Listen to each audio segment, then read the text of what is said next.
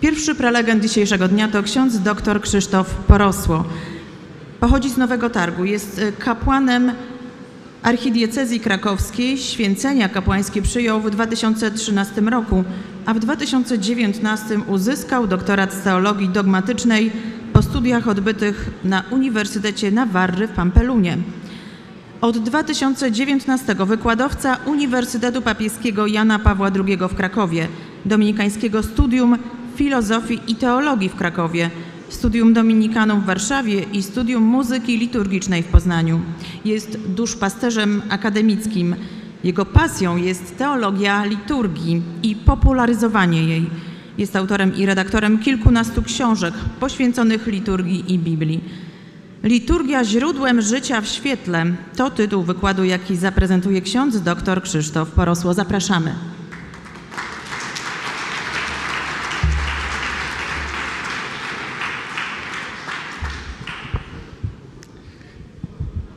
Niech będzie pochwalony Jezus Chrystus. Tu zawsze jest ta trudność, w którą stronę mówić, gdzie patrzeć. W archidiecezji krakowskiej mamy taki jeden kościół, który jest tak zbudowany, że nawy są po prawej, lewej stronie, a ksiądz celebrujący patrzy na drzwi.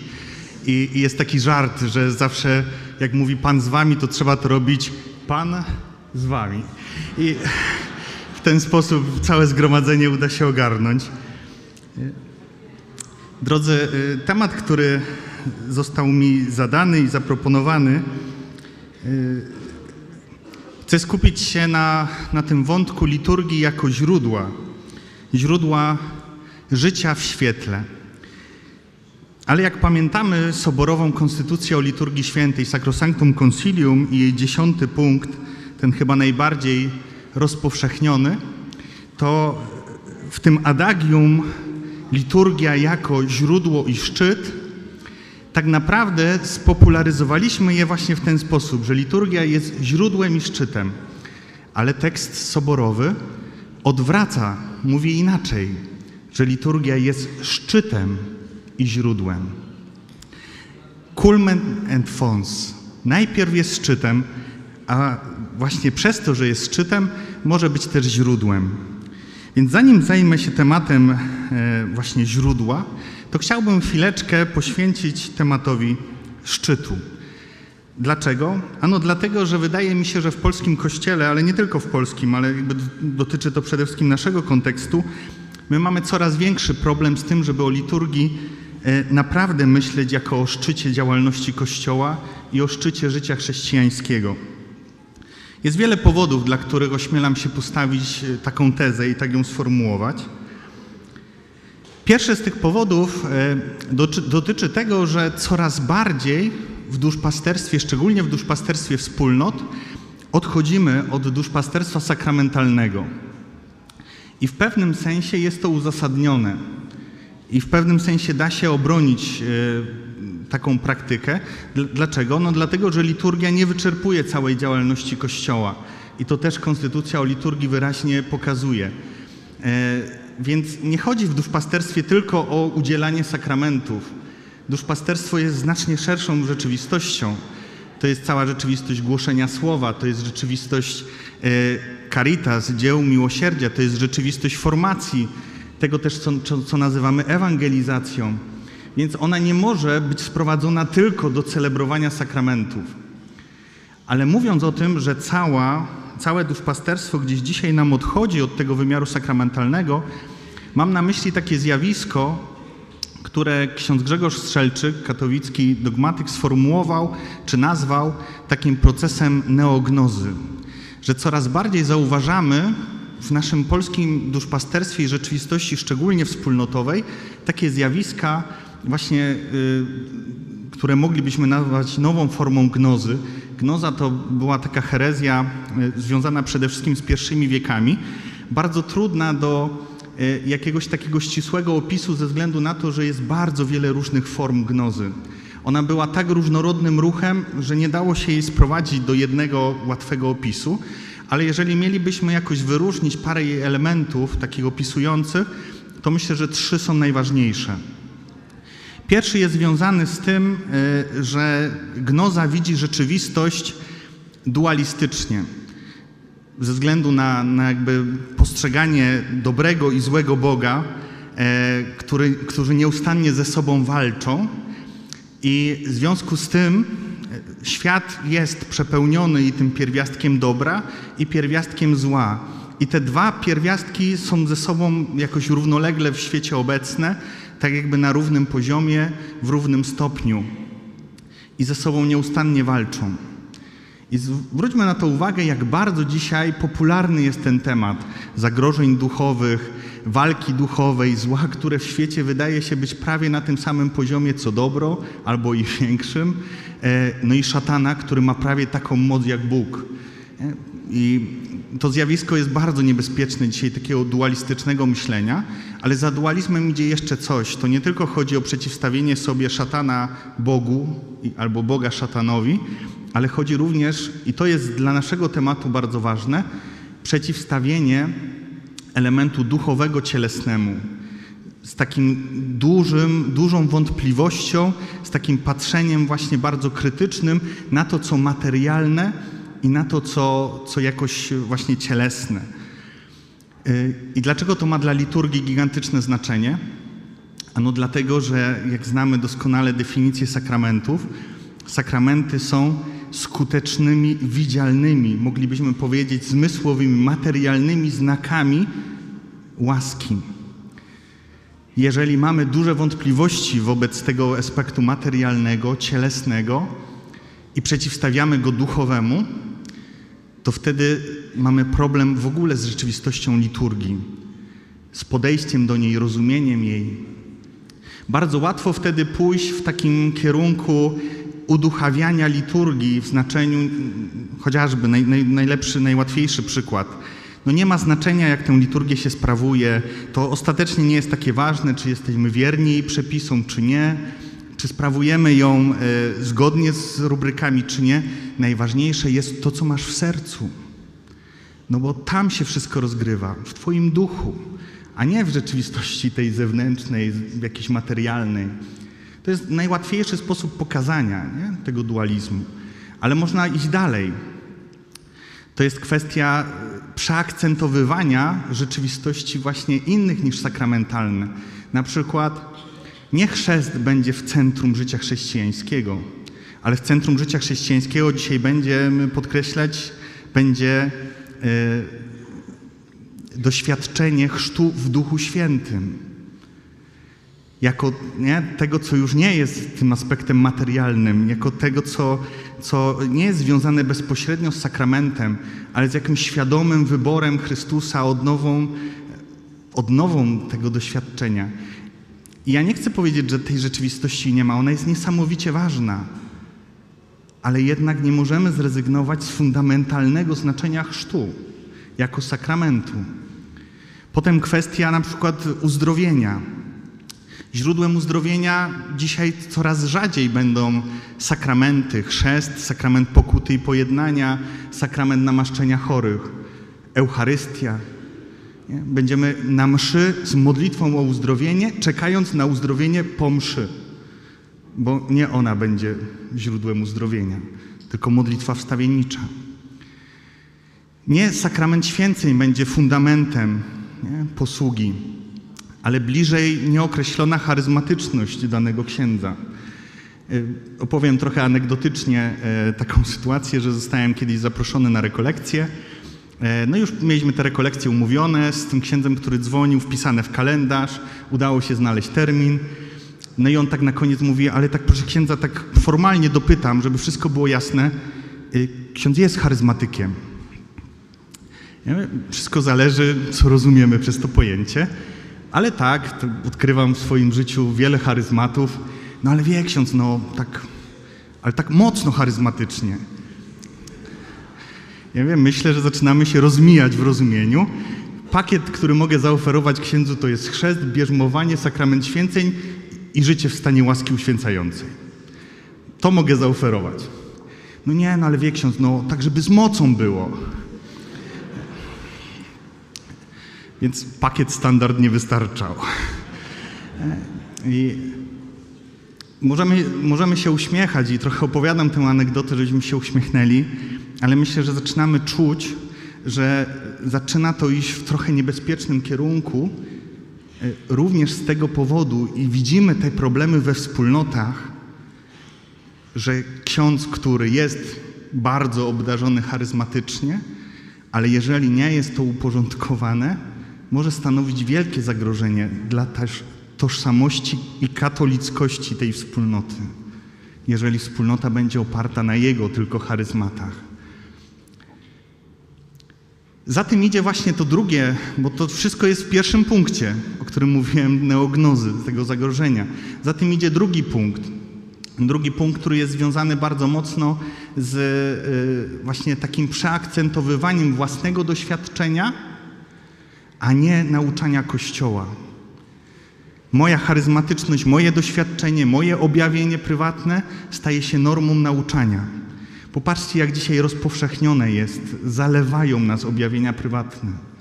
Zobaczcie, jak zalewają nas doświadczenia własne, nawet księży czy osób świeckich, przedkładane ponad nauczanie Kościoła magisterialne, ponad zdrową teologię.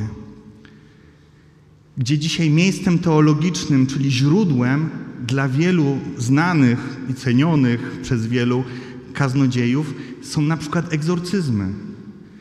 Czyli wypowiedzi szatana z egzorcyzmów mają być miejscem, z którego mamy się uczyć teologii i prawdy o Bogu.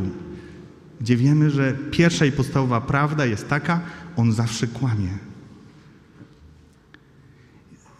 Gigantyczne niebezpieczeństwo. I to znów będzie dotyczyło też spraw związanych z liturgią. Mieliśmy tego doskonały przykład w czasie pandemii, kiedy wybuchła pandemia i stanęliśmy wobec kwestii Komunii Świętej. Na rękę czy do ust. I zaczęła się magia. Magia, zamiast sakramentu zaczęliśmy mieć magię i własne doświadczenia. Tu znów dam dwie historie. One są przerażające, ale obie są prawdziwe. E, głosiłem rekolekcję w jednym sanktuarium, nie wiedząc trochę, co mnie będzie czekało. E, przyszła przed moment Komunii Świętej, wychodzi jeden z zakonników posługujących w tym sanktuarium z komunikatem i mówi tak. W tym sanktuarium księża posługujący wierzą w realną obecność Chrystusa w Eucharystii, dlatego nie udzielamy komunii na rękę. Wszyscy pozostali są niewierzący, bo ją udzielają. Oni są własne doświadczenie przedkładane przed nauczanie Kościoła. Ale głosiłem też rekolekcję w takim miejscu, w którym e, ogłoszenie było takie przed komunią. Komunię w naszym kościele można przyjąć w dwóch miejscach, po prawej i lewej stronie. Po prawej komunię udzielamy na rękę i tam przyjmują komunię ci, którzy kochają Pana Jezusa i drugiego człowieka. Po lewej stronie można przyjąć komunię do ust dla tych, którzy tylko kochają Pana Jezusa, ale już nie szanują drugiego człowieka. I więc to jest przerażające. To są prawdziwe sytuacje. To są prawdziwe sytuacje, w których własne doświadczenie, już nie mówię o zdrowym rozsądku i zdrowej teologii, jest przedkładane ponad prawo liturgiczne, ponad nauczanie Kościoła, ponad zdrową teologię. Jeżeli liturgia nie jest szczytem, to zaczyna się z nią dziać jeszcze jeden proces. Zaczyna być instrumentalizowana. I tego też doświadczamy coraz częściej w różnych miejscach i wydarzeniach. Jeżeli liturgia nie jest szczytem, a jeżeli traktujemy ją tylko jako źródło, to może być, stać się dla nas źródłem bardzo wielu rzeczy. Może stać się dla nas źródłem katechezy, może stać się dla nas szkołą modlitwy, może stać się dla nas y, źródłem nowej ewangelizacji. I to w ogóle brzmi całkiem nieźle, no bo to są bardzo ważne i pobożne rzeczy. I to jest prawdą. Jak ksiądz Franciszek Blachnicki bardzo często mówił, że liturgia jest szkołą modlitwy, że liturgia jest szkołą pobożności, że liturgia jest szkołą kształtowania nowego człowieka, bo jest, ale nie tylko jest szkołą. może być szkołą tych wszystkich rzeczy, może być źródłem dla tych wszystkich wymiarów, tylko o tyle, o ile wpierw będzie szczytem całego działania Kościoła. Dlaczego? Bo jeżeli liturgia będzie tylko e, źródłem dla nowej ewangelizacji, to stanie się tylko jej narzędziem. A co się robi z narzędziami? Narzędzia trzeba nieustannie zmieniać, udoskonalać, poprawiać. I coraz częściej mamy taki sposób myślenia, a że liturgia dla młodego człowieka dzisiaj jest nieatrakcyjna, więc zmieńmy ją i dostosujmy ją do potrzeb nowego, młodego człowieka. Już nie mówiąc o tym, że konia z rzędem komuś, kto umie z punktu widzenia socjologicznego powiedzieć, jaka ta liturgia jest atrakcyjna dla tego młodego człowieka. Młodego człowieka mającego 12 lat, 7 lat, 15 lat, 21 lat. Dla każdego z nich potrzebujemy innej liturgii, bo socjologia mówi o zmianie dzisiaj kulturowej dokonującej się co 5-7 lat. Zmianie tak dużej, jak zmiana między jednym pokoleniem. Czyli musimy mieć wersję liturgii dla każdego rodzaju wieku, żeby ona była na chwilę jakoś atrakcyjna, o ile w ogóle może być tak kształtowana. To też jest wielkie niebezpieczeństwo. Chciałbym Wam, kochani, przeczytać taki cytat, który jest niesamowicie ważny. Cytat y, z książki y, Liturgia a osobowość Dietricha von Hildebranda. Jest w ogóle jedna z ważniejszych książek o liturgii, którą serdecznie polecam, żeby sobie przeczytać. O tym, jak liturgia kształtuje człowieka, jak liturgia staje się szkołą modlitwy, szkołą pobożności, kształtowania też osobowości człowieka, ale właśnie tylko wtedy, kiedy najpierw jest szczytem. A przez szczyt co rozumiemy? Dzieło Jezusa Chrystusa, który uwielbia swojego Ojca. Liturgia zawsze w pierwszej kolejności nie jest skoncentrowana na nas, tylko na Ojcu, którego uwielbia w miłości i posłuszeństwie Boży Syn, ofiarowując się Mu. Cokolwiek byśmy nie robili w liturgii, to zawsze jest ukierunkowane na Ojca. Nawet taki moment, który wydaje się, że jest przede wszystkim dla nas, jak liturgia słowa. Bo może się nam wydawać, że liturgia słowa jest przede wszystkim dla nas, żebyśmy usłyszeli Boże Słowo i przyjęli pouczenie tego słowa. To prawda, to również jest jej cel. Ale warto zwrócić uwagę, że w starych formach liturgii ona nie była proklamowana do wiernych, ale liturgię słowa proklamowano czytania w kierunku ołtarza, czyli najczęściej w kierunku wschodnim, a Ewangelię proklamowano na północ. Więc jak Kościół był właściwie orientowany, to proklamowano ją do ściany. Mówiąc dosłownie. Dlaczego?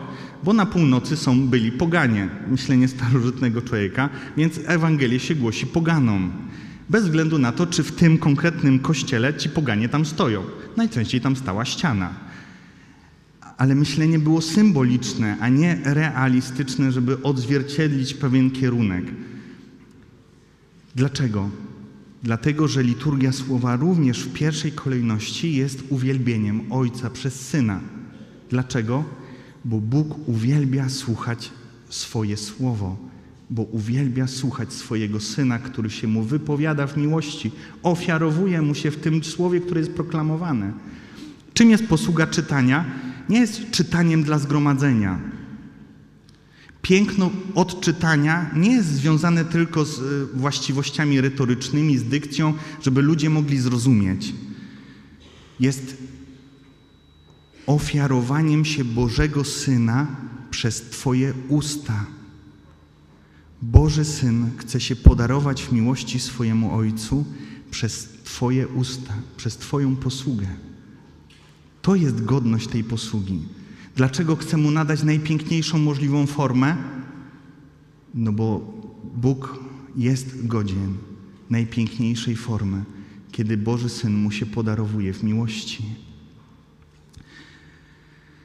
I wracając właśnie do Hildebranda, Hildebrand wskazując na ten wymiar właśnie tego, że liturgia jest najpierw i zawsze działaniem Bożego Syna, który przyłącza do siebie nas, swój Kościół, aby z nami i przez nas mógł oddać cześć Ojcu, to jest ten szczyt, to kiedy zaczyna się liturgia jako źródło? Pisze on tak. Najgłębsza przemiana osoby zachodzi zazwyczaj tam, gdzie nie stosuje się środków służących tej przemianie, lecz gdzie jakieś samo w sobie sensowne postępowanie niejako gratisowo sprowadza to przemieniające działanie. W ten sposób ma miejsce może najgłębsze i najbardziej organiczne przemienienie człowieka w duchu Chrystusowym, właśnie tam, gdzie nasze zachowanie jest czystą odpowiedzią na wartość, w poświęceniu dla Bożej chwały, wychwalaniu Boga celebrowanym jako nabożeństwo, w przebywaniu przed Nim samym. Podczas gdy modlimy się i składamy ofiarę w sposób liturgiczny, to znaczy uwielbiamy Boga przez Chrystusa, z Chrystusem i w Chrystusie, odciska się w nas duch Chrystusowy, przyoblekamy się w Chrystusa.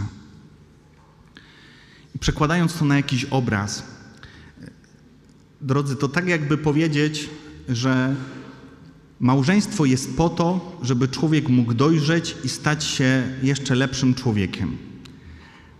No nie, nie po to jest małżeństwo. Ale w dobrym małżeństwie, w którym jest miłość, tak się dzieje, że małżonkowie przez wzajemną miłość i relację, którą budują, stają się coraz piękniejszymi osobami i dojrzewają. Ale jakby ktoś mi powiedział, o my chcemy zawrzeć małżeństwo, ponieważ jest szansa, że wtedy staniemy się sensowniejszymi ludźmi, to jest jedyny powód, no tak, tak, no nie ma innych. Czyli nie, nie ze względu na miłość, nie, nie, no nie chodzi o miłość, chodzi o to, żebym ja dojrzał. Mówimy, no nie, no, tak nie można.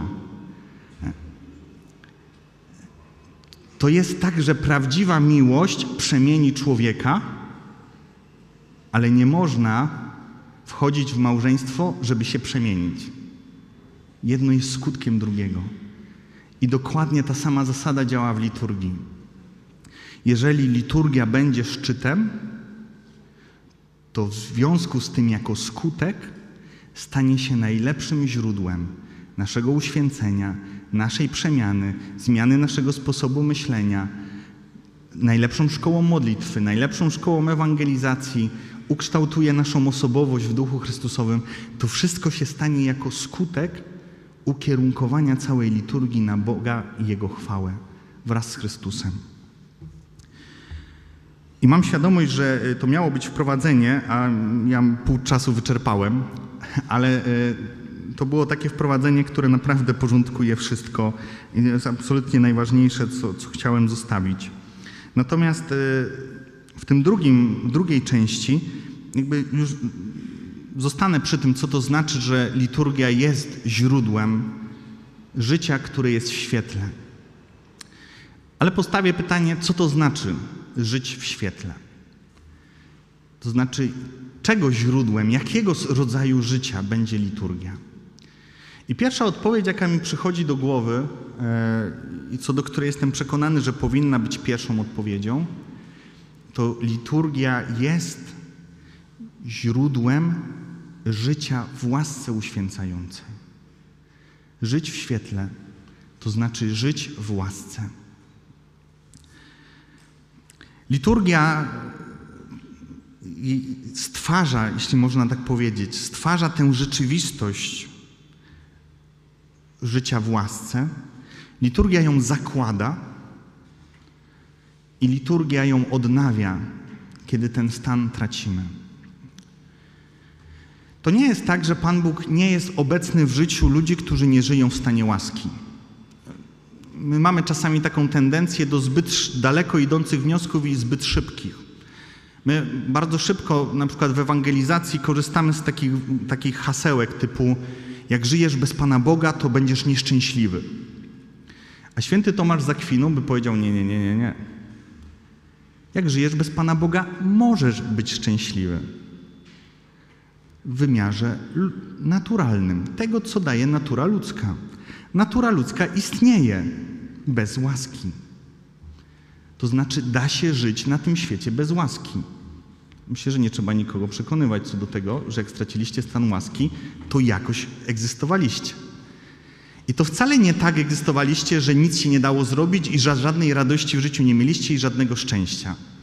To masz powie, tak, na poziomie naturalnym można być szczęśliwym na tyle, na ile pozwala na to natura. Ale Pan Bóg nie chce dla nas tylko poziomu naturalnego, to znaczy, Pan Bóg chce wyprowadzić nas na znacznie wyższy poziom. ten, który nazywamy poziomem nadprzyrodzonym, czyli ten, który nazywamy poziomem życia w łasce. I Tomasz bardzo jasno powie, że Bóg jest obecny w każdym człowieku, którego stworzył.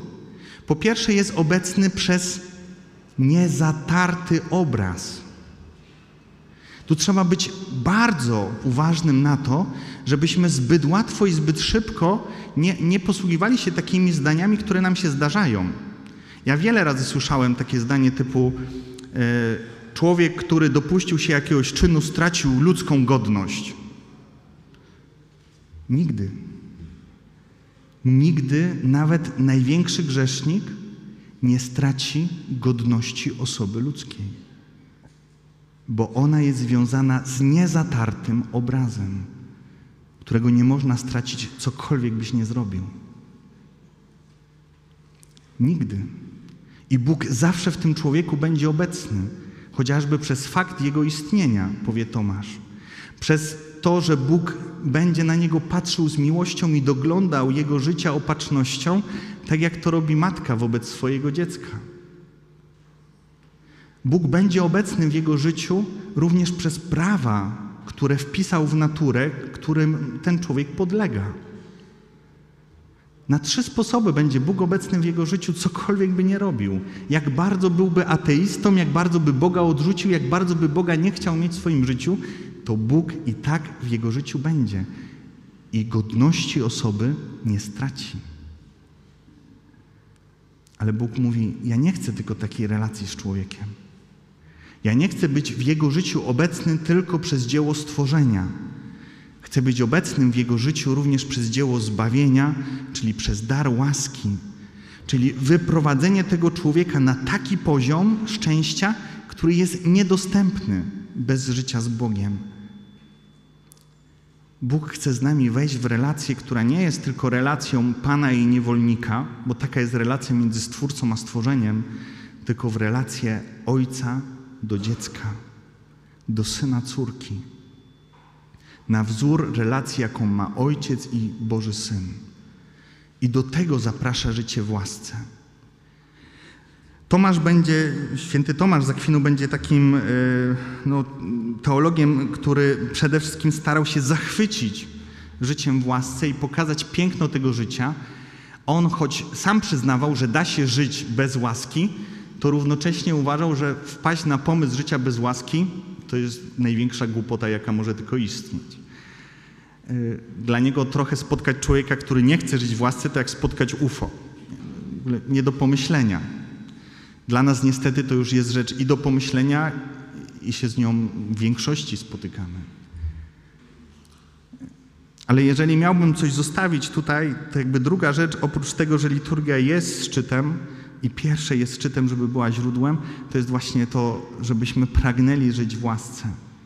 I żebyśmy mieli doświadczenie, że przejście z grzechu do łaski, jak powie Tomasz, to jest coś tak wielkiego, tak niesamowitego, że jedyna analogia, jaka istnieje w świecie, to przejście z nieistnienia do istnienia.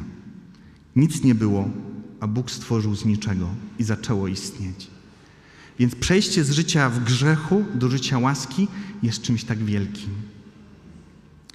I Tomasz używa przepięknej metafory. Ja ją bardzo lubię, często o niej mówię. Ona jest niesamowicie plastyczna, pokazująca, co się dzieje w życiu człowieka, który zaczyna żyć w łasce. Bo żeby człowiek mógł żyć w łasce, to Bóg musi zbudować pewnego rodzaju most, pozwalający człowiekowi i Bogu, którzy są zupełnie różni, zupełnie inni. Jakby przepaść ontologiczna między Bogiem a człowiekiem jest tak gigantyczna, że nie dałoby się, żeby oni mogli się spotkać i być w takiej zażyłości, żeby Bóg nie wchłonął człowieka.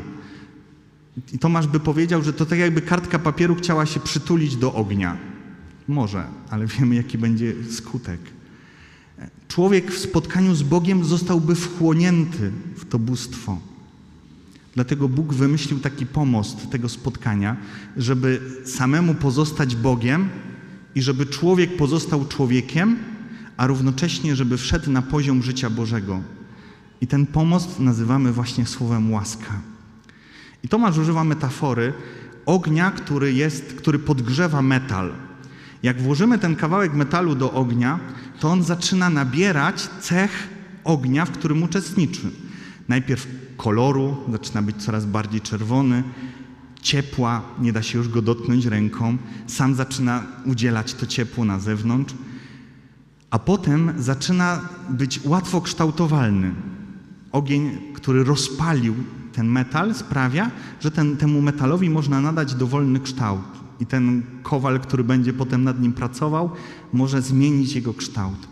I Tomasz powie, tak się dzieje z człowiekiem, który zaczyna żyć w łasce. Zaczyna uczestniczyć w naturze Bożej, która jest jak ogień, ale ten ogień go nie spala, tylko sprawia, że człowiek zaczyna nabierać cech Boga. Uczestniczy w jego poznaniu i mądrości, zaczyna być zdolny do miłości nadprzyrodzonej, chociażby do miłości nieprzyjaciół i nadstawiania drugiego policzka. Zaczyna być zdolny do życia błogosławieństwami, które po ludzku są wbrew logice. A w końcu zaczyna być łatwo kształtowalny i Boży Kowal, artysta, Bóg może zacząć go kształtować według swojego modelu wzorcowego, jakim jest Chrystus. Coraz bardziej może tego nas, każdego z nas upadabniać do Bożego Syna, że przestajemy być już tylko obrazem Boga, a zaczynamy być Jego podobieństwem. To będzie robiła liturgia i stan łaski uświęcającej.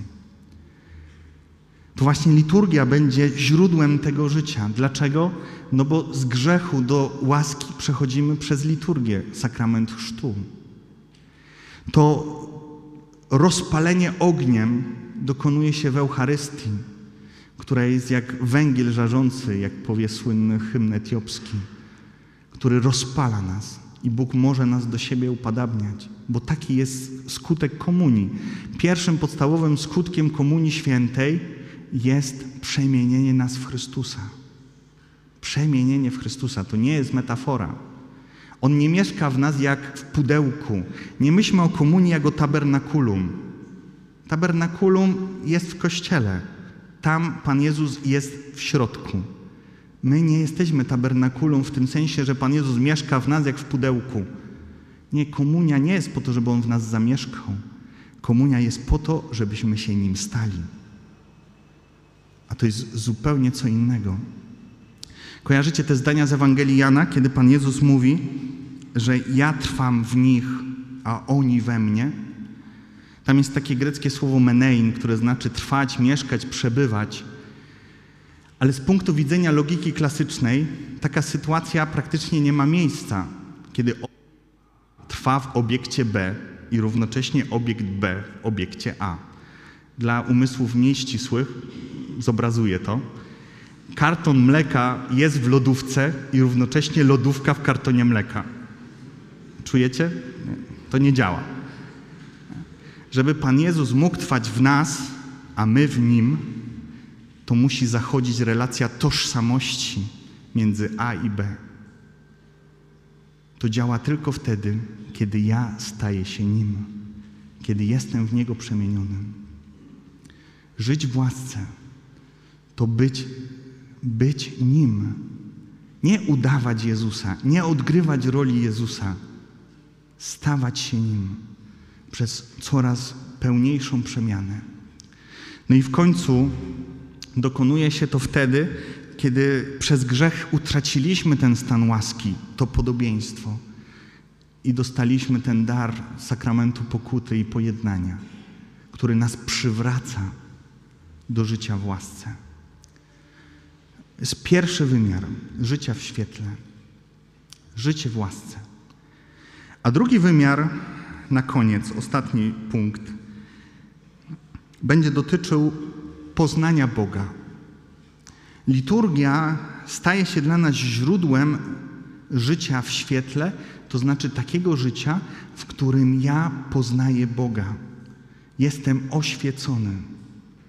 Wiem, że dzisiaj to słowo raczej nie jest modne, nie? raczej staramy, kojarzy nam się już nawet nie z oświeceniem jako pewnym nurtem filozoficzno-ideologicznym, ale raczej tak trochę pejoratywnie mówimy, nie? jak aleś jest oświecony, mądry znalazł.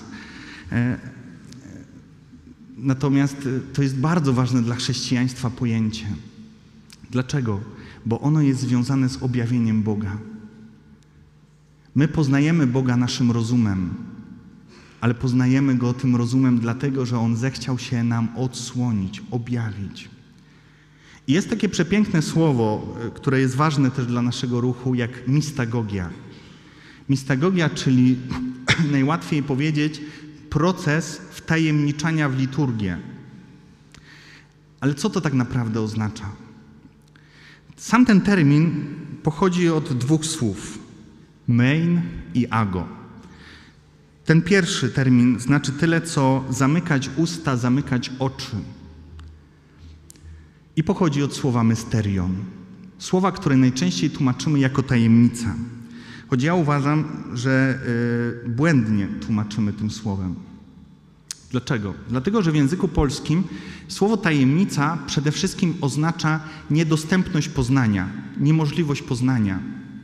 Jak komuś mówię, to jest tajemnica, to mu mówię, nie zdradzaj tego. Skądinąd w praktyce działa to zazwyczaj dokładnie odwrotnie. Jak komuś mówię, to jest tajemnica, to mam pewność, że na pewno to pójdzie dalej. Nie? Ale, ale generalnie założenie jest takie, jak mówię, to jest tajemnica, to znaczy nie chcę, żeby ktokolwiek miał do tego dostęp. Mówimy, Bóg jest tajemnicą i używamy tego wyrażenia dla powiedzenia, Bóg jest niepoznawalny, Bóg absolutnie przekracza nasze możliwości poznania, co skądinąd jest prawdą.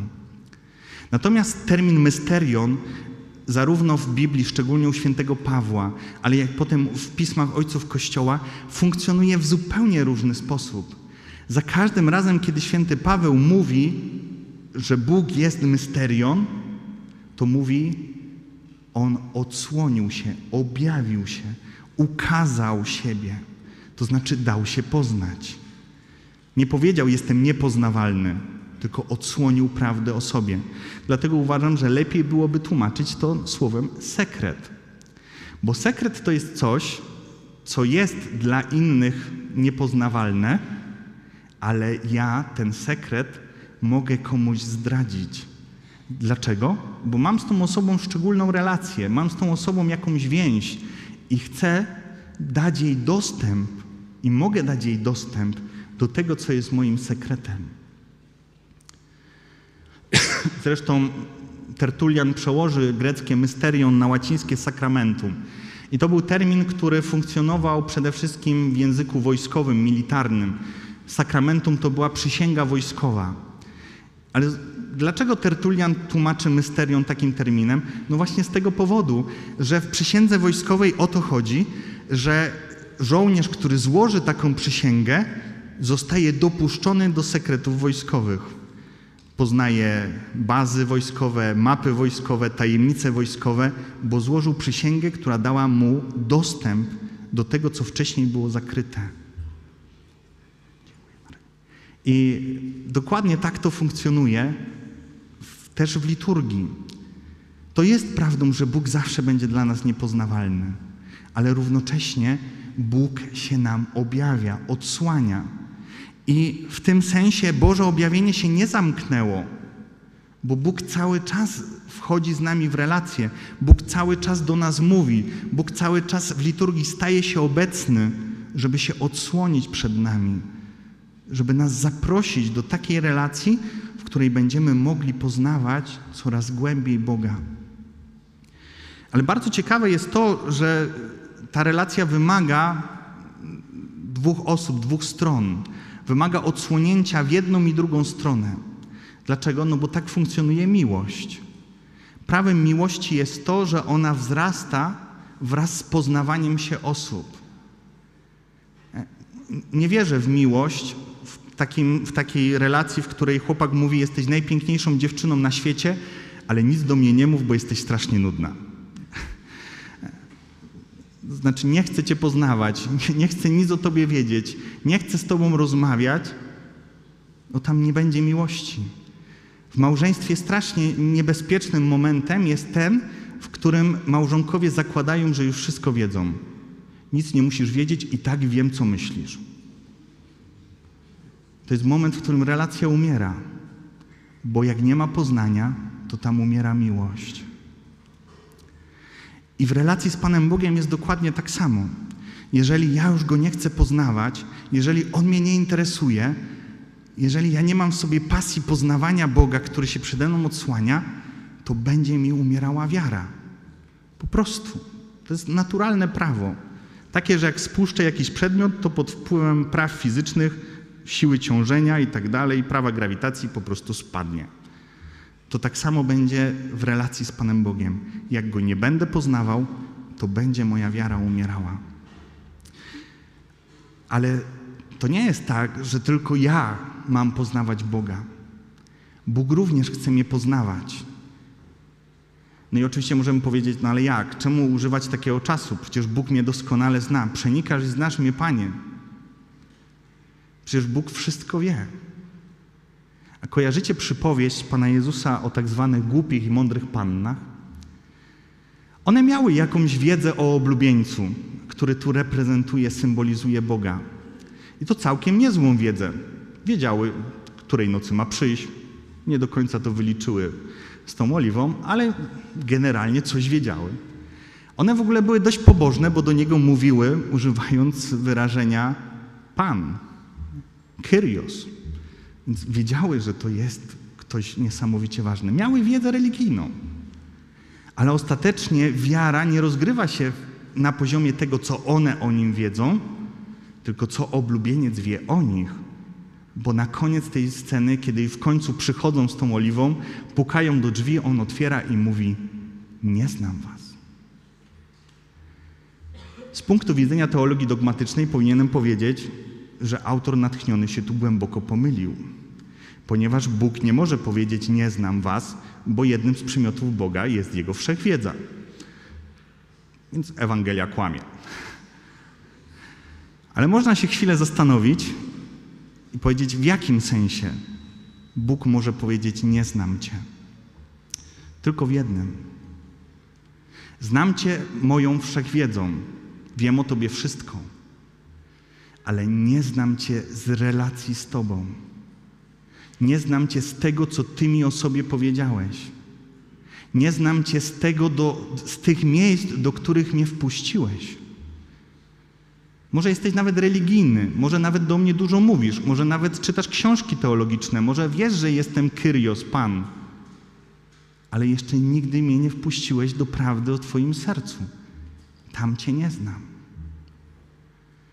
Więc ostatecznie zbawienie rozgrywa się nie tylko na tym poziomie, co ja wiem o Bogu i na ile ja Go poznałem, ale również na tym poziomie, jak Bóg mnie poznał.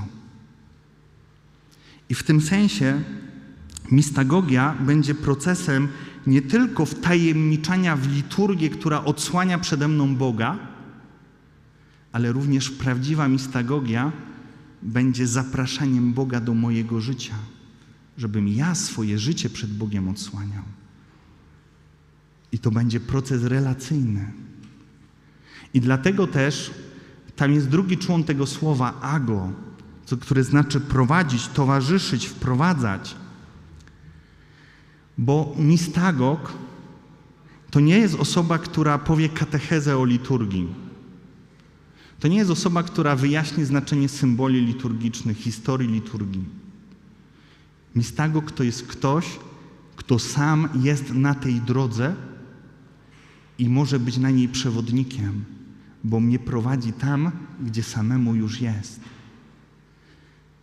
W tym miejscu trudno nie powiedzieć o tym szczególnym mistagogu, jakim jest Maryja, z jej wizerunkiem jasnogórskim.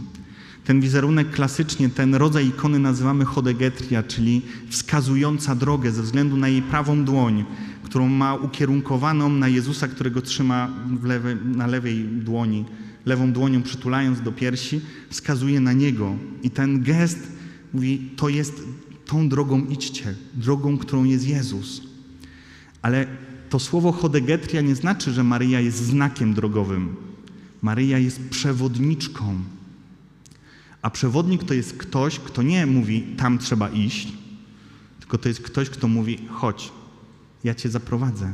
Ja znam tę drogę, ja już nią idę, więc mogę cię poprowadzić. Jeżeli potrzebujemy w, w ruchu Światło Życie mistagogów, to przede wszystkim w tym znaczeniu przewodników na drodze liturgii. Nie historyków liturgii, nie znawców rytuału liturgicznego, nawet nie teologów takim znaczeniu posiadających wiedzę teologiczną, książkową. Potrzebujemy historyków liturgii, potrzebujemy ceremoniarzy, potrzebujemy teologów, którzy są przewodnikami, bo sami idą tą drogą, jaką jest liturgia. I na koniec, mając te ostatnie pięć minut, dam jeden bardzo konkretny przykład. Jak e, też w duchu tego, co w tym miejscu, w takim swoistym swoim testamencie zostawił nam ojciec Franciszek e, w swojej konferencji Liturgia w świetle tajemnicy Chrystusa Sługi, którą, która została na kongregacji w 1987 roku odczytana już po śmierci ojca Franciszka. On mówi tam o zasadzie Fos Zoe, właśnie w mistagogii liturgicznej. I ojciec Franciszek napisał nam w ten sposób. Można by wskazać na jedność między symbolem Fos Zoe, światło życie, a właściwym sposobem podejścia do liturgii i rozumienia jej. Bo światło jest nam ukazywane i przekazywane również przez obrzędy liturgiczne. Formy stosowane w liturgii są pewnym światłem. Formę liturgii, wszystko co do niej należy, trzeba przyjmować jako światło, jako coś obiektywnego, jako coś, co przekazuje treści, które są prawdą i które objawiają nam prawdę Bożą. I stąd to dążenie, żeby najpierw głęboko wniknąć w treść liturgicznego znaku i symbolu i postawić pytanie, co Bóg chce nam przekazać przez Kościół, przez dany obrzęd, znak liturgiczny. I dam taki przykład jednego bardzo konkretnego elementu, jakim jest początek prefacji. Każda modlitwa eucharystyczna rozpoczyna się od prefacji, od tego dialogu wstępnego. Pan z wami, z duchem Twoim, w górę serca wznosimy je do Pana. Dzięki składajemy Panu Bogu naszemu. Godne to i sprawiedliwe. Sam termin prefacja, nawet w wielu podręcznikach do liturgiki, jest często błędnie tłumaczony. Bo najczęściej trochę w analogii do języków nowożytnych jest ten termin tłumaczony jako wstęp, wprowadzenie. Co by miało sugerować, że to jest taki wstęp do modlitwy eucharystycznej. Czyli tak trochę jest modlitwą eucharystyczną, ale tak trochę jeszcze nie jest, bo wiecie, wstęp niby jest treścią książki, no ale jakoś czujemy, że tak naprawdę wszystko się zaczyna, co ciekawe, w książce dopiero po wstępie. I trochę tak można myśleć, że to taki wstęp do modlitwy eucharystycznej, ale jeszcze nie ona właściwa. Ale nie. Termin prefacjo w swoim etymologicznym znaczeniu zupełnie inaczej należy tłumaczyć. Druga część tego terminu pochodzi od czasownika forfari, czyli mówić. Natomiast e, ta pierwsza część, pre, ona oznacza, że coś się dzieje przed czymś, ale nie w znaczeniu czasowym, że to jest część mowy, która będzie poprzedzała jakąś ważniejszą, która będzie później, tylko w znaczeniu przestrzennym. Tak jak w wyrażeniu predilectio, które znaczy przemowa, wygłoszona wobec kogoś. Ja teraz mam predilectio wobec was. To znaczy, to jest mowa wygłoszona wobec jakiegoś zgromadzonego audytorium. Prefatio oznajmia jedno. Teraz zaczyna się taka mowa, która jest wygłoszona wobec najważniejszej osoby, wobec Boga. To jest moment, który nas ustawia wobec Niego. Jestem wobec Boga. Staję przed Nim. Tu nie jest dialog księdz i wierni. To, to nie chodzi o, o dialog między jakby dwiema stronami. Nie, wszyscy razem, całe zgromadzenie. W tej mowie, którą wygłosi ksiądz, jesteśmy razem przed Bogiem, wobec Niego stajemy. No i potem jest następne wezwanie, w górę serca.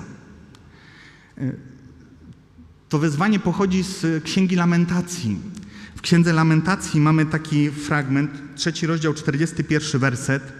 Wraz z dłońmi wznieśmy i serca do Boga w niebiosach. Interpretacja tego fragmentu jest bardzo prosta. Kiedy Żydzi się modlą, to podnoszą ręce do góry.